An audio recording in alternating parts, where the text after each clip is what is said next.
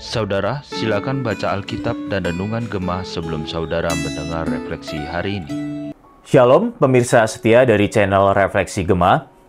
Pada hari ini, tanggal 13 Agustus tahun 2023, kita akan kembali bersama-sama membaca, merenungkan, dan merefleksikan bagian firman Tuhan di dalam Alkitab dengan tema Komitmen Umat Allah.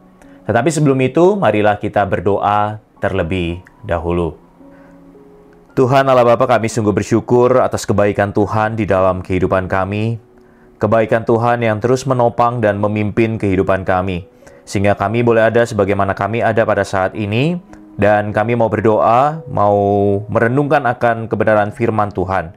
Biarlah Tuhan boleh tolong setiap kami untuk kami bisa mengerti dan juga melakukan firman Tuhan yang kami renungkan bersama pada hari ini. Kami serahkan waktu ini sepenuhnya ke dalam tangan Tuhan. Di dalam nama Tuhan Yesus Kristus kami sudah berdoa dan mengucap syukur. Amin. Saat ini bacaan kita diambil dari kitab Ayub pasal 25 sampai 27, tetapi saya hanya akan membacakan pasal 25 saja. Tetapi saya tetap mendorong Bapak dan Ibu bisa membaca pasal 26 sampai 27. Dan demikian bunyi firman Tuhan. Maka Bildad orang Suah menjawab, Kekuasaan dan kedahsyatan ada pada dia yang menyelenggarakan damai di tempatnya yang tinggi Dapatkah dihitung pasukannya dan siapakah yang tidak disinari terangnya? Bagaimana manusia benar di hadapan Allah dan bagaimana orang yang dilahirkan perempuan itu bersih? Sesungguhnya bahkan bulan pun tidak terang dan bintang-bintang pun tidak cerah di matanya. Lebih-lebih lagi manusia yang adalah berenga, anak manusia yang adalah ulat. Jemaat Tuhan yang terkasih, kita mungkin pernah mengalami suatu peristiwa di mana ketika kita menjadi ragu bahwa apakah diri kita sudah bertindak atau berbuat dengan benar. Hal paling sederhana adalah yang pernah saya alami ketika saya mengendarai mobil di sebuah jalan yang baru pernah saya lalui. Dan di sepanjang jalan itu, saya bertemu dengan mobil yang berlawanan arah dengan mobil saya. Dan tidak ada mobil lain yang lewat di jalan tersebut yang arahnya sama dengan saya. Saya sempat berpikir jangan-jangan ini jalan satu arah Sampai saya berpikir lagi, apakah tadi di belokan tadi saya melihat ada tanda dilarang masuk ke jalan yang dimaksud tersebut. Jemaat Tuhan yang terkasih, tidak mudah untuk tetap teguh berpegang pada kebenaran. Apalagi di saat itu kita sedang sendirian. Dan inilah yang dihadapi oleh Ayub di dalam penderitaannya. Di babak ketiga ini dicatat bahwa Bildad tidak lagi menuduh atau berkomentar langsung terhadap Ayub. Dia hanya mengutarakan pengetahuannya tentang Allah. Bildad mengungkapkan demikian, bahwa Allah itu dahsyat dan maha kuasa. Bildad juga mengatakan bahwa Allah adalah sumber terang yang menerangi segala sesuatu, sehingga tidak ada kejahatan yang dapat disembunyikan di hadapan Tuhan. Dari perkataan Bildad ini, Bildad mau mengatakan bahwa manusia tidak bisa membenarkan diri di hadapan Allah. Namun, bagi Ayub, perkataan Bildad ini terlalu sederhana dan hanya cocok bagi orang yang tidak berpengertian. Sehingga Ayub menambahkan pengertian tentang Allah. Dan Ayub menambahkan demikian, bahwa kebesaran Allah tidak sesederhana yang dipaparkan oleh Bildad serta Ayub. Ungkapan Ayub tentang pendapat sahabatnya yang seharusnya ini akan menolong umat Allah untuk umat Allah juga bisa berusaha semakin mengenal Allah, agar mereka juga bisa memiliki iman yang kokoh dan dapat menguatkan saudara seiman yang lemah.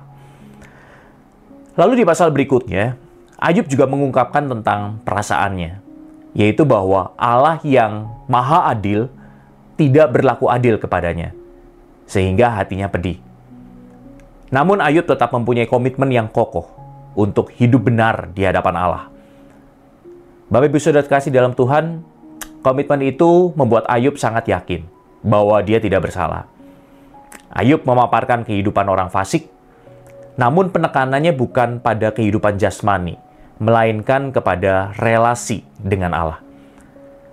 Di sinilah kita bisa melihat sebuah komitmen Ayub untuk hidup benar di hadapan Allah, bukan didasarkan pada kemujuran atau berkat, tetapi pada relasinya bersama-sama dengan Allah. Bagi Ayub, yang lebih penting adalah relasi yang membuat ia dapat berseru setiap waktu kepada Allah. apalagi di saat-saat mengalami kesesakan. Dan dia juga dapat bersenang-senang karena yang maha kuasa, bukan bersenang-senang karena egois.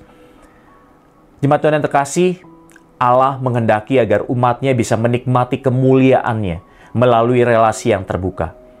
Namun, dosa membatasi relasi yang terbuka dengan Allah itu.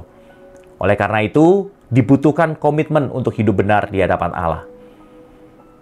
Saat ini di tengah kehidupan dunia yang begitu hiruk pikuk dan menggiurkan ini, berbagai kesenangan dapat menyibukkan semua orang.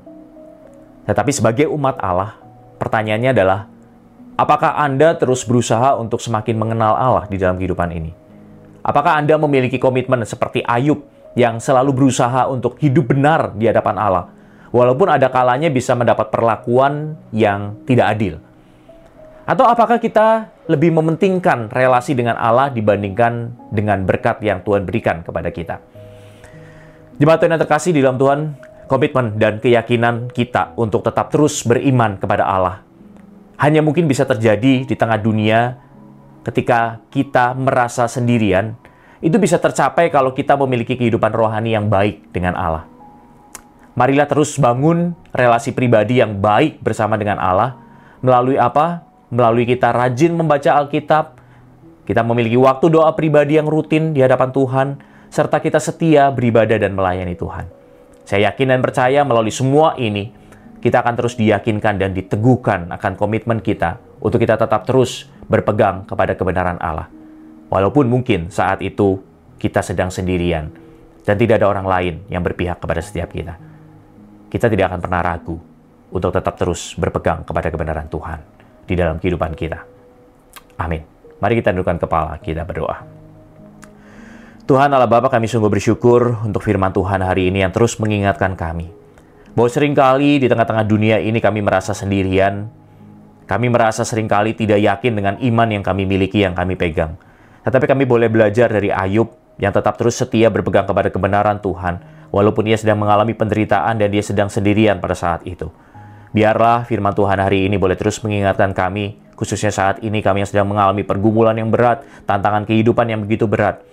Tapi kami mau yakin dan percaya bahwa Tuhan tetap terus menyertai dan memimpin kehidupan kami.